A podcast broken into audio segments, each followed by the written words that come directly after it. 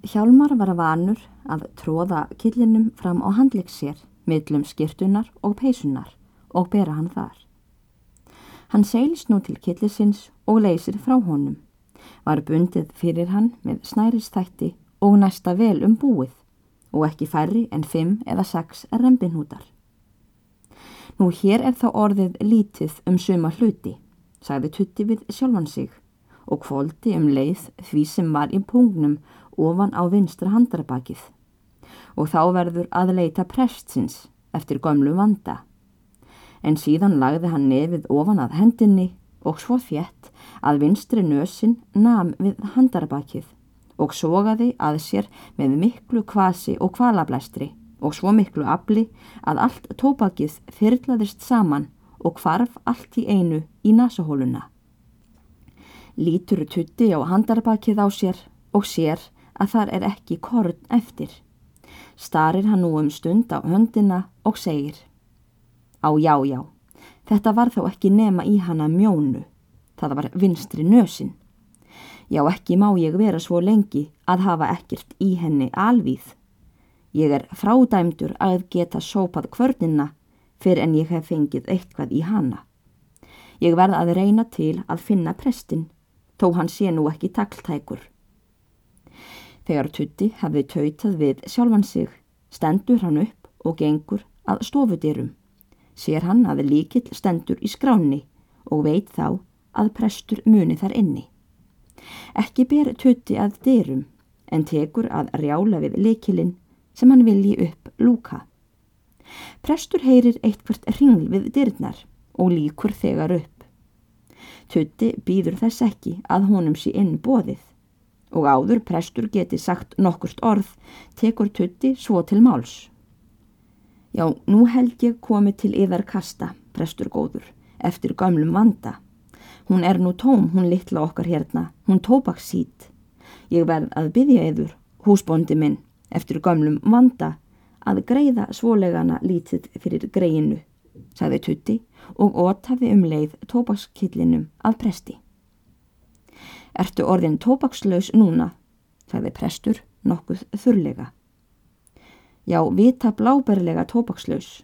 Það er áræðanlegur sannleiki. Ég varð að hlaupa frá kvörninni og sópaðri til að finna yfir upp á það. Því ég gat ekki verið svona að hafa ekkert í að láta í hana alvíð því þegar hún er tóm þá er ég döður. Það er ekki svo langt síðan ég fekk þér tópak og þú átt að hafa það til vikunnar sem ég skamta þér, sagði prestur og byrsti sig. Já, ég veit það En það er líka meira en vika síðan. Það var á fastu dag sem þér gáði mér í pungin og nú er fymtudags morgun. Þú verður að býða þanga til á morgun. Ég held að sé ekkert til skorið hjá kerlingunni, sagði prestur. Nú, ég leti mér þá linda, sagði Hjálmar og stið fram á fótinn. Tangaði til hún er búin að nugga eitthvað í sundur, ef ég gæti fengið eitthvað óskorið löfblað á meðan. Tekur þau upp í þig líka, sagði prestur. Ó nei, en ég sting því þá heldur svona óskornu upp í slóna á mér, því þá hef ég heldur einhvern mannlegan frið. Nú þótt ekki lægi sem allra gladast á presti, gat hann samt ekki gjört að sér að brosa að hjálmari. Hann gekk þá að skáp þeim sem þar var í stofunni og líkur honum upp og tekur þar út rullustikki og leysir utan að því brefið og myndar sig til að það rekja ofan að því enda handa hjálmari. Tutti verður þess brátt var að maður nokkuð glaðnar yfir presti. Tvístígur hann nú þar á gólfinu meðan hann prestur leysir utan af tópaksbitanum. En af því annað hvort að Tutti átti örðugt með að þeia lengi í einu eða þá af hinnu að hann hugsaði að tópaksendi sá sem sér að Sigvaldi ætlaði að gefa honum myndi heldur verða lengri en skemmri ef sér tækist að minnast á eitthvað. Er hann hjælt að prest myndi fýsa að heyra. Þá tekur hann svo til máls. Já eins er það og fyrri prestur góður um dúfuna. Hvað þá, sagði prestur þurrlega. Á já, dúfan flýgur út á kvöldin fyrir rökkrið og fugglina á eftir.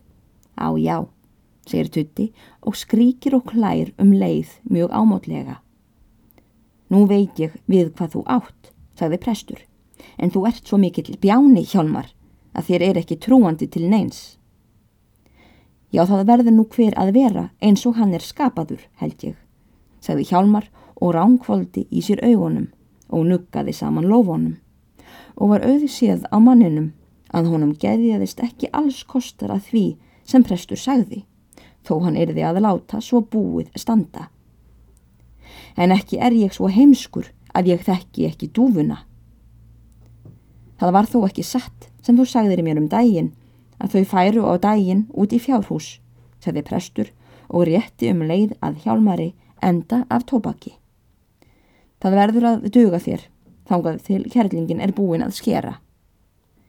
Auðséð var á augnatilliti hjálmars að hann hefði gilt einu þó nokkuð riflegar hefði verið til tekið og segir nokkuð herra en í hálfum hljóðum.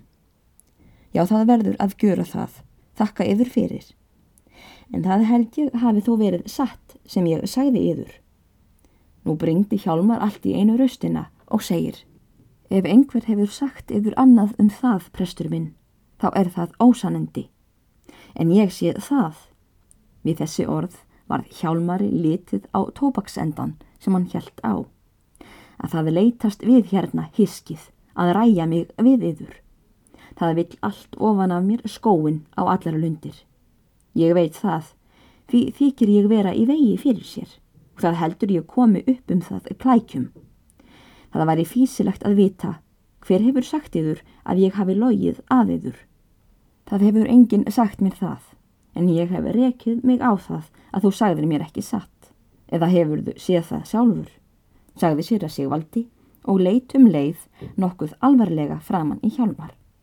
Hjálmar svaraði dræmt og sagði, raunar sá ég það ekki sjálfur, en því hefur þá verið logið að mér og maður verður legari ef maður hefur nokkuð eftir því hérna. Ég skal hugsa eftir honum í annað sinn. Hverjum þá? sagði prestur byrstur. Hver sagði þér það? Já, það má ég ekki segja, sagði Tutti.